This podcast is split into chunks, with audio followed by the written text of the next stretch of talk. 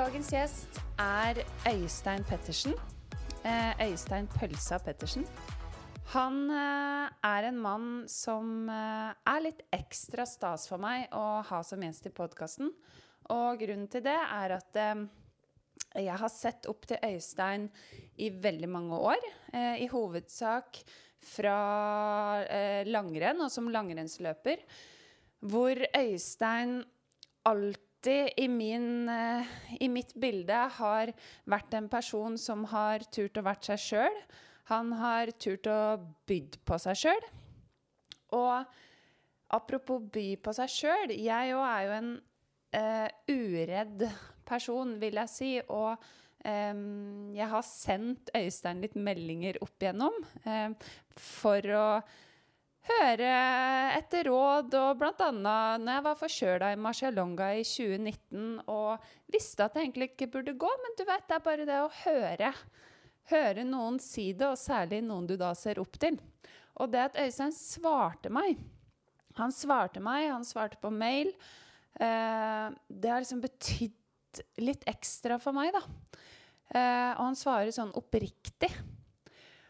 Og i fjor så var jeg i en uh, liten kaosperiode i livet. Jeg uh, visste ikke helt uh, noen retninger. Og det å få ha noen samtaler med Øystein, det hjalp meg skikkelig.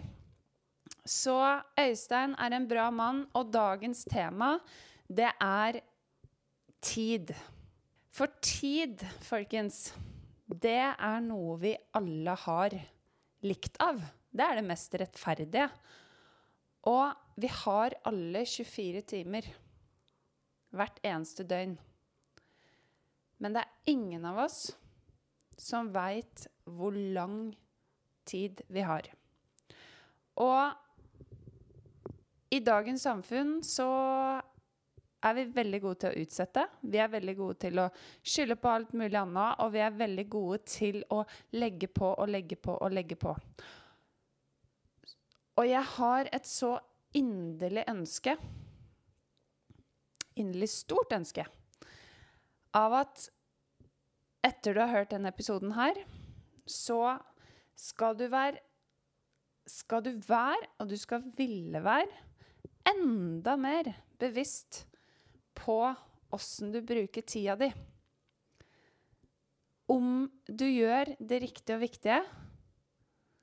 Hvis ikke, så håper jeg du begynner å endre kurs. Kanskje må du ta bort noe. Kanskje må du nedprioritere noe. Kanskje må du ha mer av noe. Det er det bare du som veit. Og Øystein han har en veldig fin metafor på under hele dagens episode. Vi snakker om tennisballer. Vi snakker om eh, grus og sand. Så jeg tror du vil få et godt svar på hva han mener med det. Så jeg håper det her blir en fin episode for deg som lytter.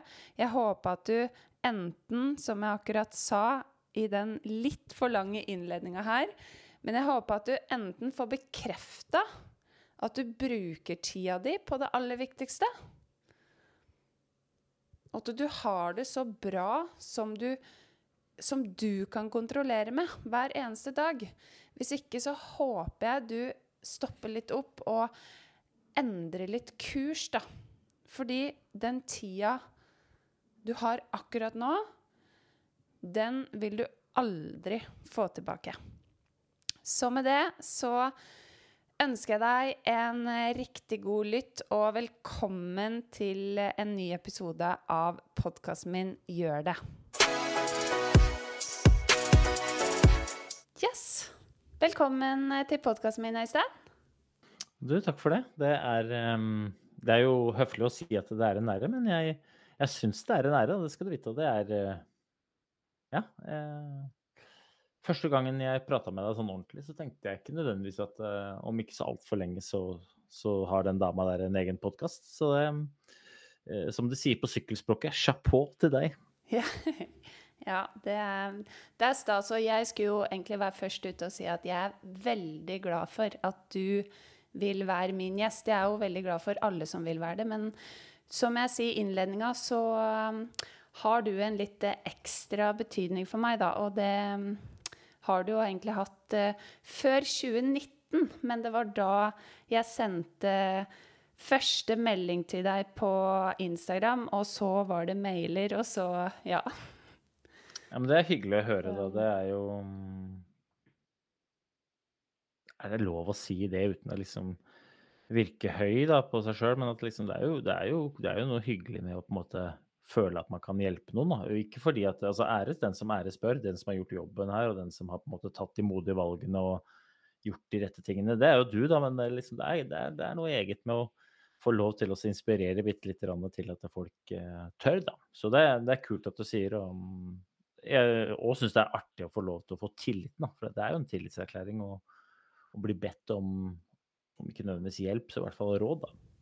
Ja, og det som gjør at jeg En ting er at jeg eh, har blitt Blei veldig inspirert av deg fra da eh, langrenn, da i hovedsak, for jeg så deg jo mest på TV-en, men at du alltid på blink og alltid når du var på TV-en, at du liksom tør å utfordre, tør å by på deg sjæl, tør å eh, ja, være litt sånn annerledes på en bra måte enn alle andre, da.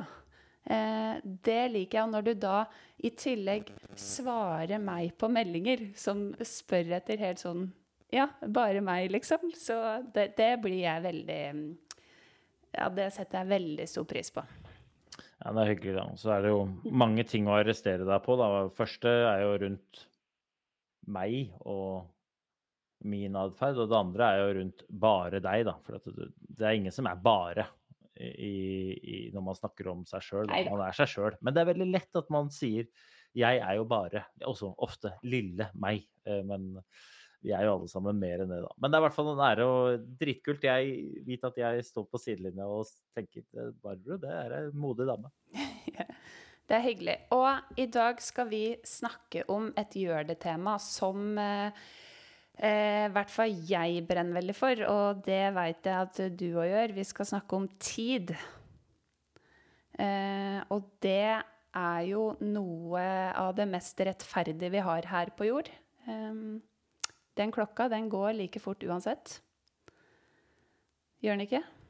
Jo, eller altså Den gjør jo det, og så er det jo ærlig altså, vi, er jo, vi har jo Det er jo litt ulike rammer, da, selv om vi på en måte har ut, i utgangspunktet har like mye tid, så er det jo litt ulike rammer, og man har jo på en måte ulike forpliktelser og litt sånne ting. Men jeg er jo enig med deg i at uh, i utgangspunktet så har vi alle sammen fått tildelt uh, like mye tid uh, per døgn.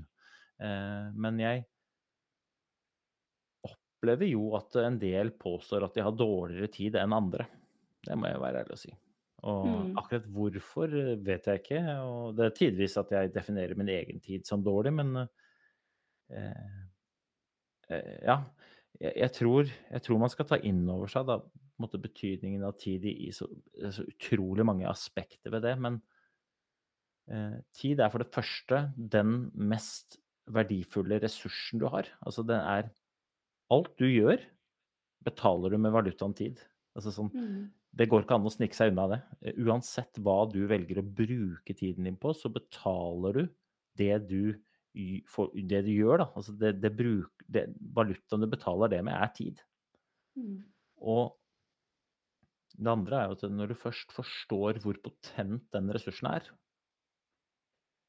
så påstår jeg at du kommer til å se på den ressursen helt annerledes. Jeg tror, mener det er en bryter. Men i og med at vi mm. ikke ser den, og i og med at den kommer og går uh, hele tiden, så har vi en tendens til å glemme den. Da. Ja, og det tenker jeg vi skal komme litt tilbake til. Um, men uh, jeg lurer på når var det sist du gjorde noe som hadde en sånn ekstra betydning for tida di? For åssen du brukte tida di? Ja, det er et fint spørsmål. Um, jeg hørte du stilte Ole Petter Gjelle det samme spørsmålet. Ja, litt annerledes formulert. For første gang jeg bruker tid. Men det går for det samme. Jeg, jeg, jeg svarer i dag morges. Uh, vi spiller inn det mandag. Uh, jeg har hatt en ganske sånn hektisk arbeidsuke. Uh, vært mye. Um, Og så kom jeg hjem lørdag kveld, og så var dattera mi Oda Jeg har to, to unger. Sigurd og Oda. Oda er elleve år. Hun var forkjøla. Og i dag morges så hosta hun fortsatt. Og så sa jeg at du blir hjemme i dag, for jeg har tid uh, og lyst til å være sammen med deg. så jeg svarer i dag, når jeg valgte at Oda, som nok kunne vært på skolen, men som hadde best av å være hjemme, skulle bruke tid sammen med meg. Så jeg, jeg, svarer det i dag morges. Ja. Og hva slags følelse er det det gir deg?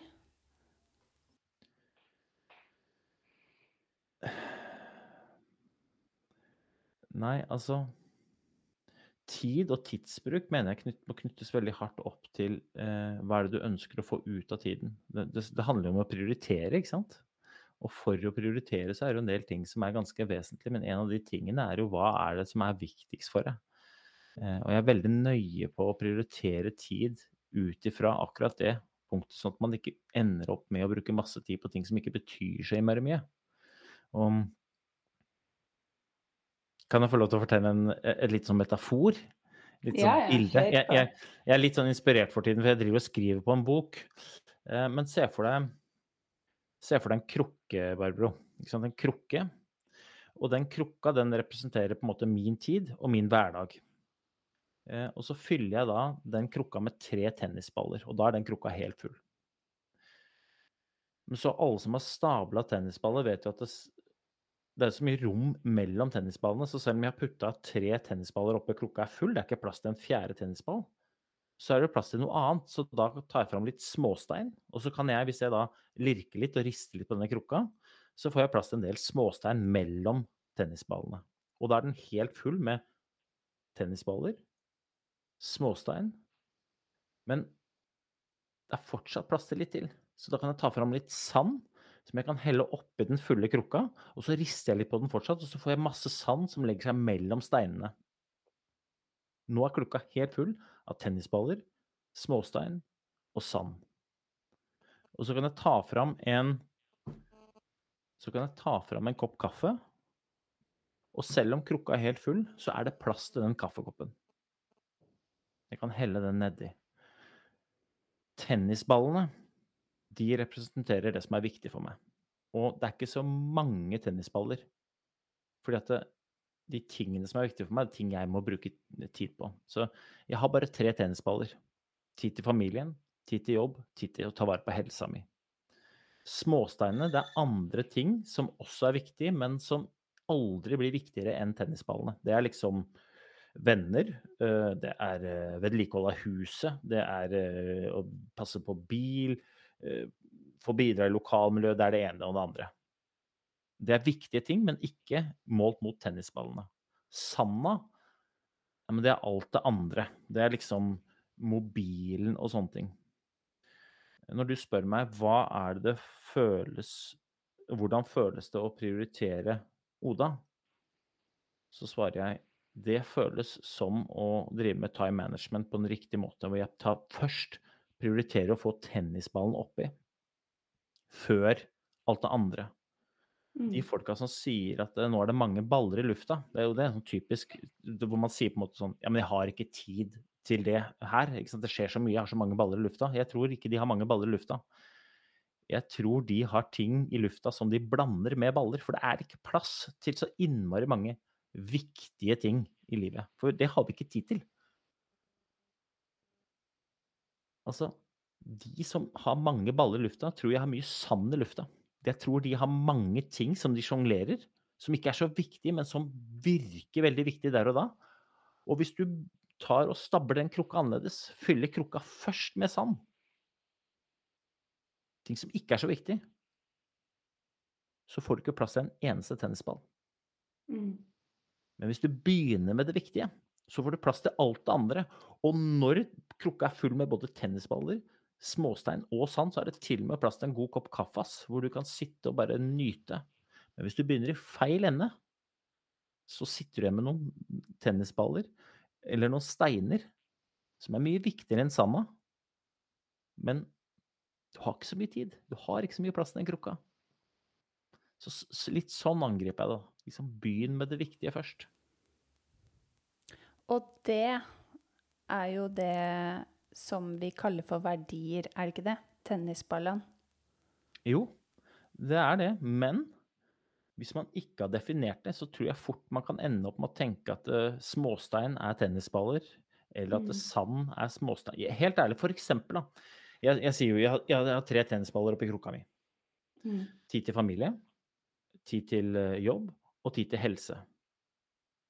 Og i fullt alvor så tror jeg at det er veldig mange som tar f.eks. helse. Jeg tror det er mange som bruker eller behandler tennisballen helse som småstein eller sand. Og så har man noe annet som tennisball istedenfor. Men, men uten god helse, altså tid til å trene, tid til å sove, tid til å være liksom ja, Spise god mat, tid til å elske, tid til å bare være glad i folk. Altså hvis, ikke du, hvis ikke det er en tennisball, så, så skjønner jeg ingenting. Men hvis du bytter ut den tennisballen med noe annet, og du behandler det som sand, ja, da er jeg redd for at det blir tøft. Mm. Så jeg er helt enig med deg. Det der er verdier. Tennisballene er verdiene dine. Og du kan ha ulike verdier, det er ikke det liksom. det er Ulike ting som er viktige, men det er ikke rom for at det, masse er viktigst. Mm. Derfor har jeg tre tennisballer. Det er sikkert mulig å ha både fire og fem, det er ikke det jeg sier. Men hvis veldig mye er veldig viktig, så sier du implisitt egentlig ingenting er så viktig. Alt er like viktig, og alt er ikke like viktig. Mm. Jeg opplever jo at eh, folk Det å ha helse som en verdi, da. Um, tror du det er vanskelig for folk å liksom um, Eller for oss å definere betydningen av det? For det er lett å si helse er viktig, men hva er det det betyr for deg? Du nevnte jo masse eksempler nå. Altså, god helse for meg handler jo om energi. Og ikke bare energi i betydningen jeg trenger energi for å orke alt jeg står i. Men jeg trenger tid til å skape all energien som jeg kommer til å stå i. Og, og da er man jo tilbake til den evinnelige diskusjonen hvordan er det du skaper energi, da?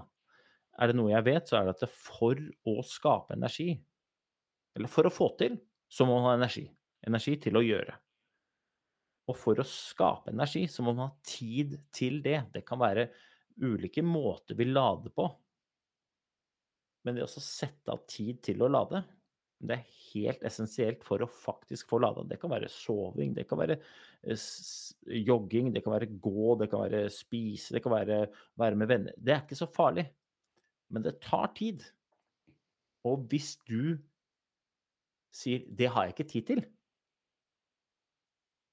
så tenker jeg hva er det som er viktigere? For du har jo tid, men du bruker den på noe annet. Og veldig ofte så, så tar man jo kanskje Samfunnet er bygd opp litt sånn, sånn at vi klarer på en måte ikke å Det er ikke så lett alltid å prioritere de riktige tingene. Vi vet hva som er riktig, vi vet hva som er viktig, men så er en haug av krav, en haug av forventninger, en haug av ting som på en måte river i oss, og så blir man litt sånn Det blir et virvar av muligheter, og så kan det være lett være at man velger litt feil i ny og ne. Ikke sant? Men det å sette opp Sette de grensene, sånn at man ikke blir vippa av pinnen, og også klarer å skille dette er viktig, og dette er ikke så viktig. Altså, det er jo helt essensielt. Jeg sier ikke at det er lett, men jeg sier at det er helt nødvendig. Og alltid når vi sier 'jeg har ikke tid', vi sier ja, men vi tenker nei. Nei, det der har jeg egentlig ikke tid til. Det der har jeg egentlig ikke tid til. Men vi gjør det likevel. Det tar jo tid. Hvor tar du den tiden fra? Veldig ofte så handler det om å ta ut en tennisball og helle oppi sand isteden. Og da er det ikke plass til tennisballen. Og så blir du stående med den tennisballen i hånda. Hvis det er søvn, så blir du våkner opp dagen etter så er du sliten. Hvis det er familien, så våkner du opp dagen etter og så har du dårlig samvittighet og en sur familie. Og hvis det er jobb, så våkner du opp dagen etter, så kanskje er du uthvilt, kanskje har du en happy familie, men du har en sur arbeidsgiver. Det der er superviktig å forstå. Det der er jo det der er prioritering. Det er prioritering. Men har du alltid vært eh, like bevisst på dine tre tennisballer? Alltid er jo litt voldsomt å si, da, men Nei, svaret på det er nei, da. Uh, Mm. Svaret på det er nei. Og uh, det er flere historier jeg kan ta der. Jeg, jeg ble pappa i 2012, f.eks.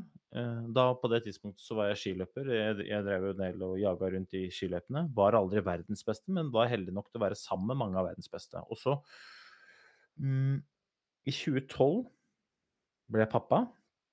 I 2014 var det OL i Sotsji, så 2012 begynte vi liksom å, å lade opp til OL i Sotsji gjennom å være en del i høyden. Det betyr jo strengt tatt at vi er veldig mye borte.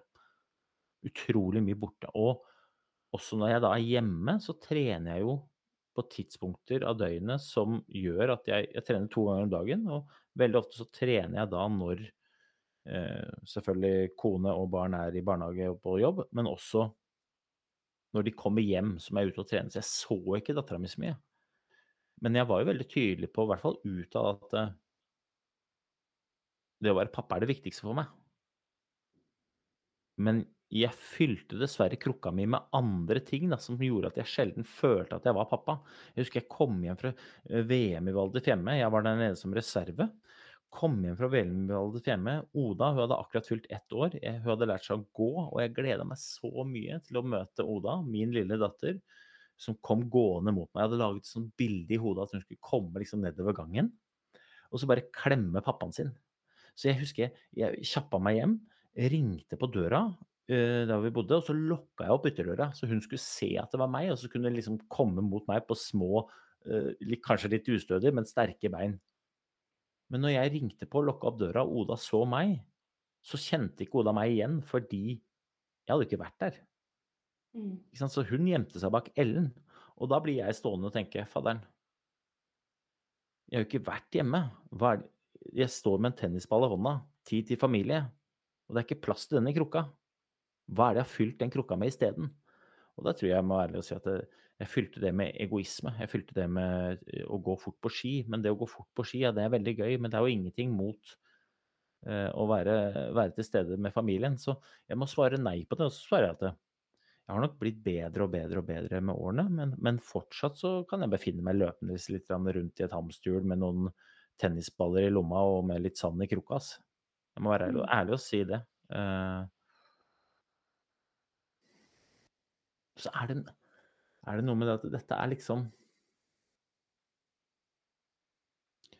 Verdien av tid, ikke sant. Eh, jeg tror ikke man forstår verdien av tid før man eh, er i ferd med å miste den. Fordi, fordi vi tar den for gitt. Tid er noe som vi ikke tenker så mye over, fordi at vi våkner opp hele tiden, og tiden kommer og tiden går, og du ser det ikke. Utover at du, du blir litt eldre liksom, når du kikker deg selv i speilet, men du, du kan fy flate, nå har det gått mye tid, eller jøss, tida flyr, liksom. Men eh, hvis du er i ferd med å miste tida di, i betydningen bruke opp tiden, da tror jeg du får et helt annet forhold til det. Og det føler jeg at du har litt eh, alibi til å si. Eh, ja, altså, jeg er jo eh, Jeg er jo sjeleglad for at jeg får lov til å sitte her og, og spille inn en podkast. Ikke fordi at eh, ba, Eller i hvert fall ikke bare fordi at det er hyggelig, men også fordi at jeg eh, Jeg holdt jo på å bruke opp tida mi. Eh, jeg, jeg overlevde en hjerneblødning, og eh,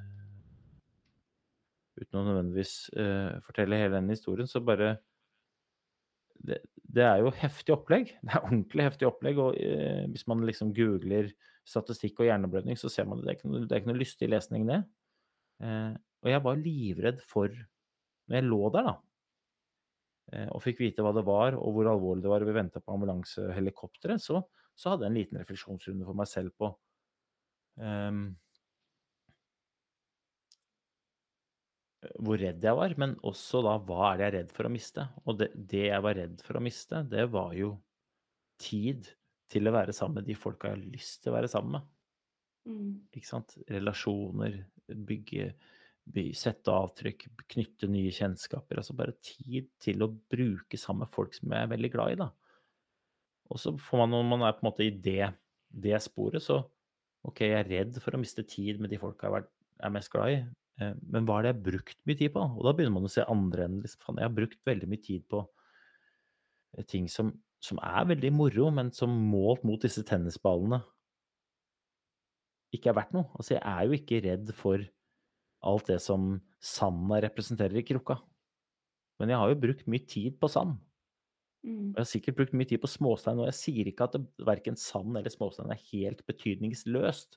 Men i det store og det hele så er det ikke verdt noe, da. Faen, jeg har brukt hele livet jeg, har ikke tall på antall timer jeg har brukt på å gå fort rundt i en skiløype. Og, og, og bruke masse tid, energi og fokus på å få til det. Og det, det er dritgøy. Og det er det jeg jobber med nå også. Få folk til å prestere bedre. Men ikke på bekostning av de viktigste tingene. Altså, faderen. Jeg er den første til å si ok, greit, dette skal vi få til, men hva er tennisballene dine? ass? Putt de oppi den krukka di, så vi er helt sikre på at uavhengig av hvordan resultatet du skaper, så tenker du jeg bruker i hvert fall tida mi rett. Mm. For det er ikke alltid at du skaper fantastiske resultater. Men uansett hvordan vi vrir og vender på det, så må tiden vi bruker, være verdt det. Ja, og så Ja, jeg er helt enig. Og så sier du noe eh, veldig essensielt her, at eh, når du Du sier du rekker å reflektere over tida di og hva som faktisk er viktig når du ligger og er livredd for å i det hele tatt um, overleve, våkne opp. Og den derre refleksjonen, da Er ikke den helt essensiell for å For å finne ut det der med tennisballer, det med verdier? Jo, 100% Ehm, Og dette tror jeg alle sammen skjønner også, men utfordringen her sånn er jo at uh, når du hører en sånn type prat, eller når du blir påminnet om dette, så, så, så har vi en egen egenskap til å enten si det har jeg ikke tid til å tenke på akkurat nå. Som om ikke dette er en tennisball, liksom. Og hva er det som er viktigere? Det, det vet jeg ikke, men vi, vi sier jo det. Det har jeg ikke tid til akkurat nå. Eller så sier vi om litt så roer det seg. Mm. Bare, bare kom meg dit nå, så roer det seg. Og det er jo sånn Det roer seg jo ikke. Det, jo, det går jo 200. Hvorfor går de 200? Jo, fordi vi har tillatt måte, Dette høres litt så provoserende ut. Jeg er veldig klar over at vi har rammer. Vi er klar over at vi har forpliktelser. Men hvis du har bundet opp så mye tid at ikke du har tid til tennisballene dine, da må du stoppe opp. Altså, sånn, da må du stoppe opp. Og utfordringa her er jo at når du har dårlig tid, når du liksom løper og løper og løper, og løper, så blir du pressa. Og da blir du også pressa på energinivået ditt. For du har ikke tid til å ha nok energi. Har ikke tid til å skape den energi. Og da blir du bare sliten, så blir det enda verre å løpe rundt der, og du har dårlig tid. Og konsentrasjonsevnen din følger jo energinivåene dine. Så da har du lav konsentrasjonsevne, du har lav energinivå, og du har mye du skal gjøre på veldig kort tid. Og så ender man opp med å løpe rundt og rundt og rundt. og rundt. Og når da situasjonen i seg selv er så pressa, så har du ikke igjen tid, overskudd eller konsentrasjon nok til å ta det skrittet tilbake og reflektere, sånn som du sier. Men når du ligger på en båre, på et seterom, på akutten på Lillehammer og venter på et ambulansehelikopter, da har du plutselig all tid i verden, selv om du er i ferd med å miste tiden du har igjen. Og da er man jo inne på det, ikke sant. Hva er det som er vanlig å gjøre når vi er pressa? Jo, vi, pleier, vi gjør det vi pleier å gjøre. Og hvis det vi pleier å gjøre er å bite tenna sammen og prøve å holde ut, så er det dit vi går. Og derfor så For å, for å justere dette mønsteret, så må man ha tid. Det, det, går, det går ikke å drive med justering av sånn tid når ting er veldig hektisk, for da er du så midt inni det. For å få til dette, så må du bli revet ut av hamsterhjulet ditt. Da. Og det er jo det som ofte skjer. Om det er hjerneblødning, hjerteinfarkt eller noe helt annet, du går i veggen. Da får du tid til å reflektere.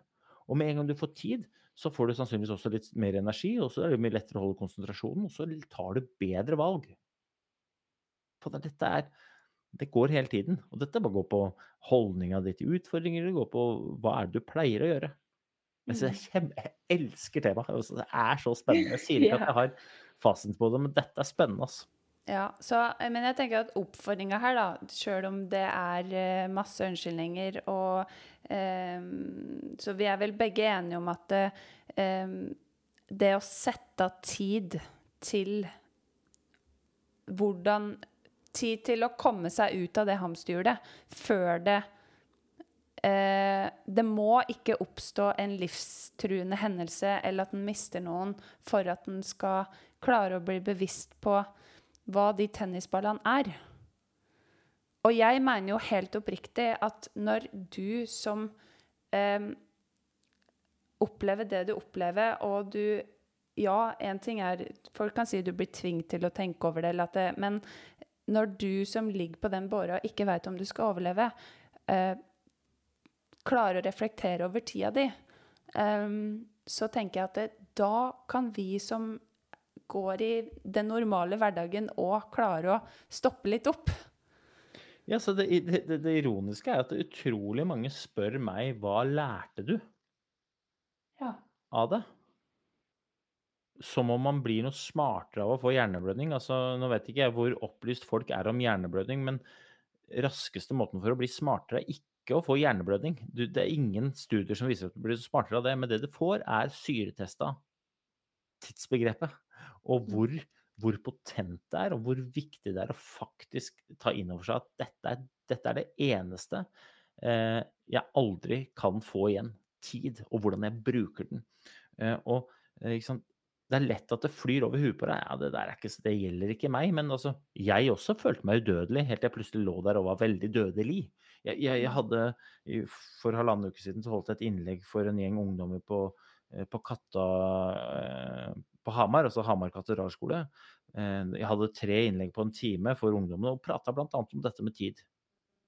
Jeg vet ikke om de forsto hva jeg snakka om, om de tok det inn over seg, eller om de bare lo av det. Men det jeg vet, var at det, noen dager senere så var det en av elevene som tragisk omkom på vei til skolen. Mm. Og da får du syretesta akkurat det jeg snakker om.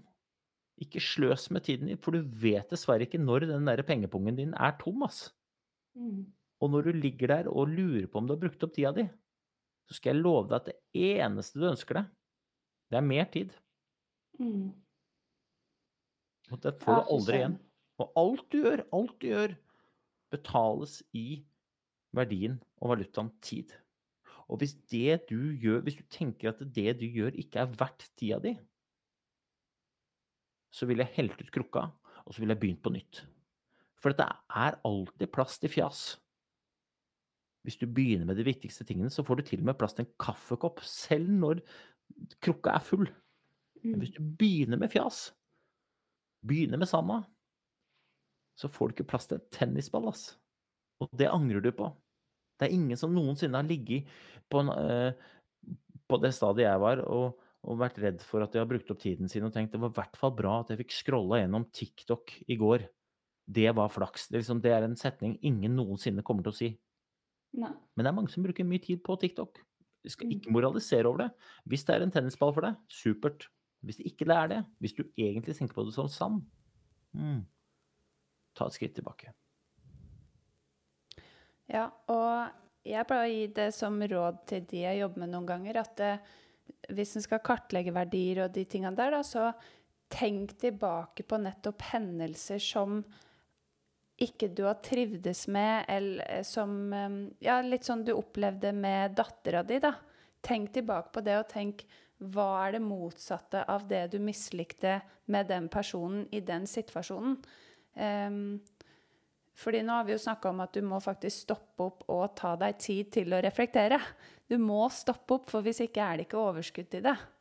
Uh, men også hvordan gjør det, da? Um, en ting er å kjenne etter hva som er det viktigste, men kanskje òg litt sånn hva, hva har jeg opplevd som har gjort at jeg ikke har følt meg så bra? Ja, absolutt. Også, jeg tror det er viktig å ha de derre målene som du på en måte definerer som Eller de tingene du definerer som en tennisball, det må være ting som er viktige for deg. Det må gi mening. Mm. Ikke sant? Eh, Det er lett å tenke at det, ene eller det andre er en tennisball, men eh, du må finne dine tennisballer. Uavhengig av hva alle andre mener, så må du finne dine. Og vi har ikke noe rett til å moralisere over dine tennisballer, men jeg, gjør, du gjør deg selv en veldig stor tjeneste med å definere dem, for da er det veldig mye lettere å få prioritert det. Og så tror jeg at effekten av å gjøre det vil være god. Da. Jeg lot meg jo imponere av deg, f.eks. når du sto i veiskillet. Skal jeg fortsette på ski, prosjekt toppidrett, ja, jeg har lyst på ditt eller på datt. Og så, så utfordrer jeg gjentatte ganger liksom, er, men er, er, det viktig for deg? Hva er det som er viktigst for deg? Altså, igjen, du brukte jo litt tid på å komme fram til løsninga. Men første gangen jeg prata med deg, ja, men da var du jo midt i hamsterhjulet. Og du, du, du, så liksom ikke løsningene fordi du hadde verken tid, konsentrasjon eller overskudd og energi til å se det klare bildet. Det eneste du kjente på, det var følelsene. Og er det noe man kjenner mye av når man er stressa, så er det jo følelser. Ofte litt negative. Så det er et veldig mm. dårlig tidspunkt for oss å ta avgjørelsen. Så får du det litt på avstand. Får ro, får tid skaper deg eh, eh, på en måte omgivelser som er tilrettelagt for at du kan få til. Og så konsentrerer du deg, og så er det mye lettere å ta de rasjonelle, gode valgene. Så det er veldig lett for meg å sitte her nå og rasjonelt si fy søren, jeg, jeg, oppførte meg veldig dårlig i 2012 som prioriterte ski foran dattera mi. Mm. Men der og da så bare gjorde jeg. Og jeg hadde så brennende ønske om å få til. Helst alt på en gang. Og så endte jeg opp med å sitte i gangen med den tennisballen, familie, i hånda, og tenke Fadder'n, her er prioritert feil. Og effekten kjente jeg. Ja, og der um, På det der du sier der, og det jeg bare sånn eh, konkret gjorde da, da Jeg ba jo deg om hjelp. Jeg ville snakke med en Eller håpa, da Jeg visste jo ikke om du kom til å si ja, men om du eh, Jeg ville ha en som kunne stille meg spørsmålene som kanskje var litt ubehagelig. Fordi det er nettopp det der å få litt fri fra eget hue og måtte kanskje svare litt høyt for en som eh, jeg syns er klok, da. eh, det gjorde det, og da får du liksom litt større perspektiv på det. Og så eh, Det andre var nettopp det derre lage meg tid. Og det jeg gjorde da For meg så var det vanskelig å gjøre det i min egen leilighet, eller gjøre i de omgivelsene jeg ofte er i. Så da booka jeg meg et par-tre netter på hotell. For å liksom få på hotell som jeg trivdes på, og fikk liksom den godfølelsen av liksom virkelig satt av tid til å tenke og kjenne etter. Og det tror jeg kan være lurt for flere. At liksom om det er i naturen eller hjemme eller ute, men bare ta deg tid et sted som du trives på, i hvert fall. Ja, og alt tar tid. Ja. Altså sånn Ikke betydningen at eh, ja, det tar tid å få til. Nei. Alt tar tid. Det, det går ikke an å gjøre noe uten å bruke tid. Nei. Så da må man jo styre over det. Og ikke bare det, For å måtte få til, så lønner det seg å ha omgivelser som også på en måte gir deg muligheten til at den tiden du bruker, faktisk er fruktbar. Da. Ikke sant? Jeg er ikke noe bonde i det hele tatt, men det er jo ingen bønder som sår på vinteren. Det de gjør, er det riktige. Men det er jo helt feil tid å gjøre det på. Du bruker masse tid på å gjøre det riktige, men omgivelsene er helt feil. Derfor så sier jeg, når du skal på en måte jobbe med deg da, for å finne på en måte, dine tennisballer, for det var det jeg utfordret deg på, hva er viktig for deg? Hva er det viktigste for deg? Jeg spør jo indirekte om tennisballene dine. Det er det, det, er det jeg fisker i. Men men jeg kan ikke be deg om å finne de tennisballene når du er midt inne i masse annet fjas. Jeg må få deg vekk fra det fjaset, sånn at du på en måte kan senke tempoet litt, få litt overskudd og virkelig kjenne etter Ja, dette er viktig for meg. Mm. Men det er ikke så lett å gjøre. da, Én ting er å gjøre de rette tingene, en annen ting er den timinga eller sånn tidspunktet du gjør det. det her er, ja, og det, det, det, går jo hele tiden. Dette, går jo, dette leier jo hånd hele tiden. Jeg tror, jeg tror det er viktig å ta inn over seg at det, det er veldig stor forskjell på å gjøre det rette og det å gjøre det rette til rett tid. Og jeg tror, jeg kan bruke meg selv som et eksempel. Som idrettsutøver så var jeg nok flinkere til å gjøre det rette enn jeg var å gjøre det rette til rett tid. Jeg tror det var forskjellen på meg og de som var hakket bedre enn meg. De hadde bedre timing, liksom. Bedre på å gjøre det rette i riktig tid. Da. Ja, men når du um, var tilbake, hvis det er rett å si, fra hjerneblødninga, um, så veit jeg jo at du uh, Jeg har hørt i podkasten din at det å konkurrere uh, og det med å trene styrketrening og oppleve det presset, det var veldig skummelt for deg. Stemmer det? Ja, 100% Altså, den Jeg, jeg fikk noe som heter subarachnoidal blødning. Det er da altså da hjernehinneblødning. Um, eh, og det blodet, det Den blødninga, den føltes ut som en sånn press fra skulderpartiet opp gjennom nakken og opp i hodet. Og eh, følelsen var som om hjernen ikke passa inn i hodet. Men det som trigga følelsen, det var samme, det samme presset som du får i hodet som hvis du mm, er på butikken, kjøper masse, masse greier og skal bære det ut i bilen. Du, vet, du, du går og bærer på noe og biter tenna sammen litt og blir litt sånn rød i fjeset. Sånn Eh, var følelsen. Og den følelsen er man jo innom, spesielt når man trener styrke, men også når man presser seg sånn utholdenhetsmessig. Så jeg ble veldig, jeg ble veldig redd for den følelsen. Mm. Eh, og hadde lyst for alt i verden å unngå den følelsen. Eh, det var ikke noe farlig å få den, men jeg, jeg syntes det var ja, ubehagelig, da. Så jeg prøvde å unngå det. Men åssen var det du ja, var det du turte å og gjør det likevel? Altså, Åssen var det du turte å ta deg en styrkeøkt, gå Birken eh, på ski? Hva var det som gjorde det? Det, det, det er jo et tidsspørsmål, egentlig. da. Fordi eh, I starten så unngikk jeg det, og så etter hvert som tiden gikk, så merka jeg at fy flate og jeg blir frarøva veldig mye av Øystein. Jeg er jo glad i å presse kroppen. Det er det jeg har drevet med. Og i starten så var jeg veldig glad for å eh, bare være i live. Men så etter hvert så begynte jeg å savne å leve. Og det er to forskjellige ting. Så jeg begynte å savne det å, det å leve. Og det å leve for meg, det handler om å gjøre ting som jeg er glad i. Og veldig ofte også oppsøke litt utfordrende, krevende eller ubehagelige situasjoner. Men som jeg da hadde valgt å ikke trene styrke, ikke trene utholdenhet, i hvert fall ikke hardt, så savna jeg altså så den følelsen av å ha gjort det. Jeg er ikke en sånn fyr som elsker å, å trene veldig hardt fordi at det er melkesyre er deilig. Jeg er ikke sånn type, jeg. Men jeg, jeg er jo den typen som sier fy flate, det er mye mer behagelig å ha det litt ubehagelig til tider enn å prøve å gjøre alt behagelig hele tiden. For det jeg merka, var at ved å skjerme meg fra det ubehaget, da, så ble alt veldig ubehagelig. Veldig fort. Mens hvis jeg da bare hoppa i det, gjorde noe som var ubehagelig, så kjente jeg på et ekstremt velbehag etterpå. Men det er et velbehag du ikke får hvis ikke du oppsøker motsatsen.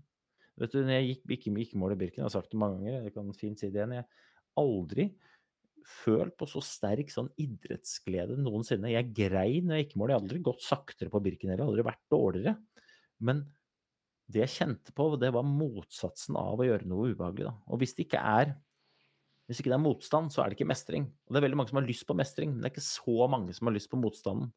Eh, jeg syns Timbuktu sier det veldig fint. Alle vil til himmelen, men ingen vil dø. Og det er sånn ja, det der er, Jeg kaller det for utviklingens paradoks, da, men det der er utrolig spennende.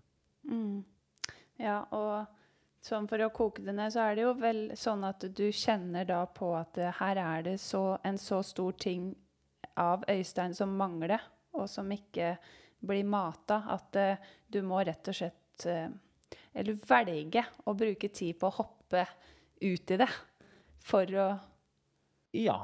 Og så bare erkjenne det. Jeg vet du liker liksom å komme innom eh, konseptet motgang, da. Og jeg tror man må ta inn over seg Jeg kalte det for utviklingens paradoks. Jeg tror man skal ta inn over seg at det, um, den eneste måten å bli bedre på, eneste måten å vokse på, den eneste måten å lære seg noe nytt på, det er gjennom å oppsøke litt motstand. Fordi at det, for å bli sterkere i styrkerommet, da, så må jeg Målet mitt er jo å føle meg sterkere. Men eneste veien til å føle meg sterkere, er jo gjennom å gå inn på styrkerommet, trene vekter og føle meg svak. Så der og da føler jeg meg svak, og igjen tilbake igjen til tid. Over tid, gjennom å føle meg svak,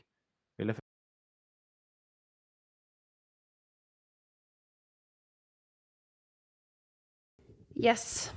Nå har vi vært eh, litt innom uh, motgangen, Øystein. Det skjedde det som har skjedd i en annen podkastepisode. Minnekortet uh, blir fullt. Så jeg tar det på min kappe. Men uh, jeg tror lytteren får med seg mange gode poeng her. Og det siste var vel det med at vi Man må ut av komfortsona litt for å kjenne på hva som virkelig betyr noe? Eller mer det at det å gå ut av komfortsonen betyr ikke at du skal elske å ha det ille, men jeg tror at ved å tørre å gå utenfor komfortsonen, så må man kjent på det som man egentlig ønsker. Um, en del ungdom kommer til meg, og så sier de at de har lyst til å bli tryggere på seg selv. Og så lurer jeg på hva er strategien din? Og da svarer veldig mange jeg prøver å unngå alt som er ubehagelig. Og da tror jeg dessverre ender opp med å føle mer på ubehag enn du gjør ved å oppsøke utrygge situasjoner. Altså situasjoner du opplever som utrygge. Ikke farlige situasjoner, men oppleve, oppsøke utrygge situasjoner. Si ja til de utfordringene du kommer. Være der, og ikke nødvendigvis at du mestrer de, men over tid så vil du gjennom å oppsøke det som du opplever som usikkert, utvide komfortsona di og per definisjon bli tryggere. Så på en måte den eneste måten å forbedre en egenskap på, er gjennom å utfordre komfortsona. Det går ikke an noe annet òg. Jeg, jeg, nevnte det med styrketrening, liksom. Si at du ah, ja, men jeg orker ikke det ubehaget. Jeg har ikke lyst til å bli sterkere, jeg har lyst til å være på det samme. Så derfor så trener jeg ikke styrke. Men hvis du ikke trener styrke, så holder ikke du deg på det samme. Du er på synkende kurs. Og sånn er det med alt annet også. Mm. Bra oppsummering. Um, jeg pleier å spørre gjesten om en kan beskrive seg sjøl med tre ord. Uh, I dag så ville jeg uh, egentlig avslutte litt den podkasten her med um, å spørre deg om det samme. Du må jo få det samme spørsmålet. Kan du forsøke, ut fra ditt uh, syn på deg sjæl, beskrive deg sjøl med tre ord? Jeg, jeg, er nødt til å bruke ordet eierskap eller ansvarsfull. Da. Uh, I betydning at jeg tar eierskap til, eller tar ansvar for hvordan jeg gjør det jeg gjør. uh, og, og, hva jeg gjør. Um, så ordet eierskap er hellig for meg. Eh, og utover det så gjør jeg det jeg gjør med ønske om å være en positiv ressurs for de folka som er rundt meg. Så jeg håper jo at folk ser på meg som det, da. Eh, det er jo et spørsmål andre må svare på, ikke meg. Eh, så det siste er at jeg er Jeg eh, har god selvtillit. Mm. I alt? Ja. Ikke betydningen at jeg er god i alt, men at jeg gjør det jeg har bestemt meg for. Så jeg har god selvtillit på at jeg i møte med det jeg har bestemt meg for, gjør det jeg har bestemt meg for. Og det bygger selvtillit. Og veldig ofte så bygger det ferdigheter også. Men jeg er veldig klar på at jeg er ikke verdens beste på noe som helst. Og det er mange ting jeg er veldig dårlig på, men jeg har alltid god selvtillit i betydningen jeg står for det jeg sier. og Jeg tar eierskap til det, og jeg håper at du ser på meg som en positiv ressurs når du treffer meg. Eierskap, positiv ressurs og sjøltillit, som vi mm. sier på bygda. Sjøltillit er bra. Jeg burde egentlig si jeg bor jo på Lillehammer, så det er jo jeg Ja, det er akkurat det. Jeg burde skjerpe meg. Jeg tar, eh, dette tar jeg selvkritikk på. Jeg skal, neste gang skal jeg ha bedre sjøltillit, og så si jeg har sjøltillit. Ja. Og sjølkritikk. Uh, ja, det, så det er jeg jo også god på, da. Men det ligger jo litt i selvtillit. Liksom, tåle det, da. Ja. Tåle å høre når det du gjør, er utenfor det vi har blitt enige om. Ta Ja. den der, da. Ja, det var bare at du sa selvkritikk og sjøltillit. Mm. ja. Men jeg har gjort Jeg veit eh, Jeg har lest boka di, eh, jeg har snakka med deg før. Jeg veit hvor viktig familie særlig er for deg. Eh, jeg eh, sendte en melding til din kjære kone, Ellen. Mm. Og ville ha hun òg til å beskrive deg med tre ord. Og fra hun og barna dine. For jeg veit hvor viktig de er for deg. Ehm, og bare litt sånn Ja, si noen ord, da. Så nå tenkte jeg skulle lese opp den meldinga for deg. Hvis du vil. Jeg kjenner Ja, det er jo den store lattermustesten, da. Eh, for det er jo en av tennisballene mine. Jeg vet. Så det mm, eh, Jeg kjenner at eh, det jeg, hå, jeg håper at jeg liker det de skriver. Hvis ikke så skal jeg i hvert fall ta eierskap og justere kursen, men kjør, du. Øystein, til tross for at du trener nerdete mye, har et eget roterom og av og til, eller egentlig ganske ofte, skravler unødvendig høyt og mye, er vi utrolig glad i deg. Du er raus og opptatt av at de rundt deg har det bra. Du er flink til å prioritere familietid, og vi er glade for at du syns det er stas å henge så mye med oss. Gjennom stor arbeidskapasitet og at du er deg sjøl, får du til det du vil. Stor hilsen fra gjengen din. Hjerte. Det er bra, altså. Um, uh, altså Ja, det der, det der rører meg, da. Det er tilbake til krukka, og der jeg begynte. Uh, og jeg sier ikke at jeg er verdens beste på det, eh, men jeg er veldig tydelig på at jeg gjør alt jeg kan for å få til ta eierskap til det der. Altså det, der det dreier seg bare om prioritering, for jeg har ikke noe bedre tid jeg enn alle andre. Og de som ser kalenderen min, sier ofte at jeg er veldig opptatt. Eh, eller du gjør mye. Og så sier jeg jeg gjør ikke så mye, men jeg gjør mye av det som er viktig for meg.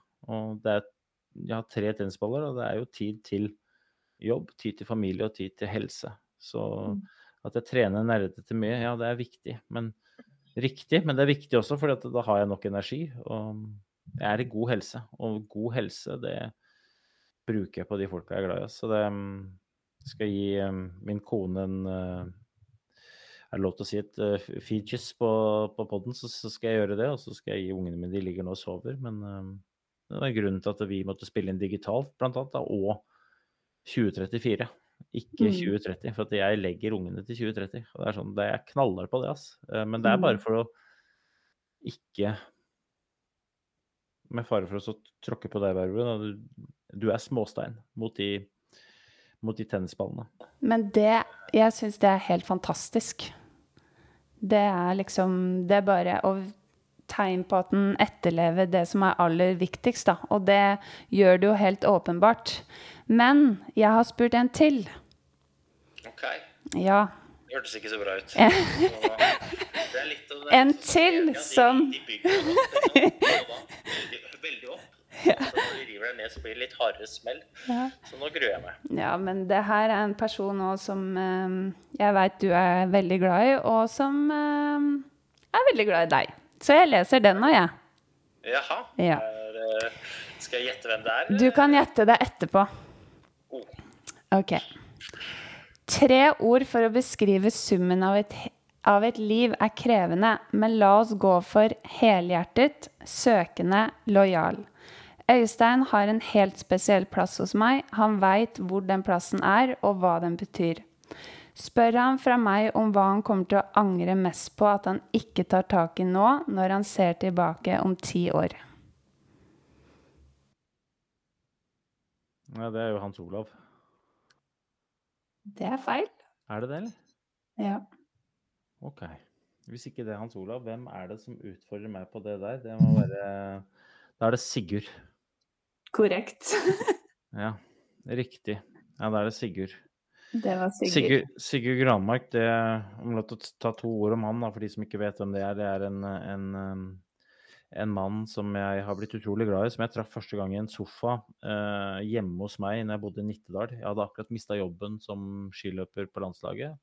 Sto på litt bar bakke og lurte på hvor veien skulle gå videre. Jeg var veldig tydelig på at jeg hadde lyst til å styre den retninga sjøl, ikke bare bli dratt i en eller annen retning. Jeg hadde lyst til å ta kontroll, og det dreier veldig mye om om å definere hva som er viktig. Eh, og selv om ikke Sigurd brukte ordet eh, tennisballer, så var han veldig tydelig på det. Hva er det som er viktig for deg? Eh, og gjennom den reisa så klarte jeg å definere på en måte hva som var viktig for meg, hvordan jeg kunne velge og hvordan jeg kunne etterleve det. Og, um, hvis jeg hører at du måtte føle at jeg har hjulpet deg litt, da, så kan jeg i hvert fall si til deg at jeg har bare gjort det Sigurd gjorde for meg, mot deg. Så um, uh, ja. Sigurd er en, uh, en nydelig mann. Mm. Ta med deg de to meldingene her, da. Det skal jeg gjøre. Jeg er ærlig på at mm. det blir um, jeg, jeg, jeg, blir stolt av det. Jeg er ikke noe redd for å si at det der, det der tar jeg med meg foran i, i panna når jeg gyver løs på, på morgendagen. Da. For jeg har, som alle andre, masse utfordringer å stå i, masse ting å gjøre, masse ditt og masse datt. Og jeg har også blir tidvis kasta inn i det. Men det er, det er godt å få høre at i hvert fall de rundt en bekrefter effekten av å, å prioritere. Mm. Og jeg har lyst til, hvis jeg får lov til det, så har jeg lyst til å inspirere folk til å stoppe opp. da. Den krukka, mm. den, den, er der for alle. Og den krukka den rommer veldig mye mer hvis du evner å stable den riktig. Men begynn med de store elementene, og så fyller du på med litt små, og så rister du litt på den krukka, så rommer den så innmari mye mer. Og på, når krukka er helt full, så er det fortsatt tid til en kopp kaffe. Ass. Skal det være eh, dagens gjør det-råd? Jeg tror i hvert fall man angrer på hvis man ikke gjør det. Mm. Ja. Det blei en episode med mm, mange gode refleksjoner om tid. Og mm, ja. Vi må forvalte den eh, hver eneste dag på best mulig måte. Ja. Eh, alt, alt tar tid. Alt tar tid, og vi vet aldri Altså, vi, spiller, vi, vi, bruker den samme mengden tid hvert sekund likevel, så det er vel bare Ja. Mm, og vi veit aldri når den er slutt. Dessverre, og heldigvis. Eh, men mm. eh, det er stor forskjell på å være i live og på å leve. Ja. Og ikke kom i enden av den uh, ressursperioden tid er og si 'jeg hadde ikke tid'. For det hadde vi.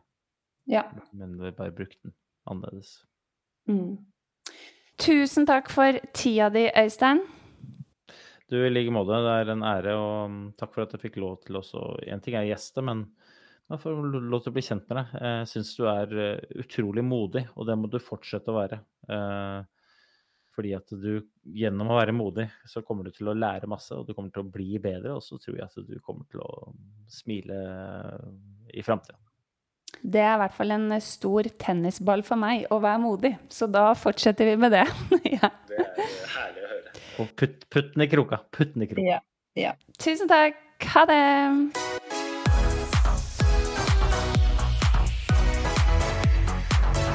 Denne podkasten er produsert av meg, Barbro Sæta, og Daniel Kragseth fra Adler.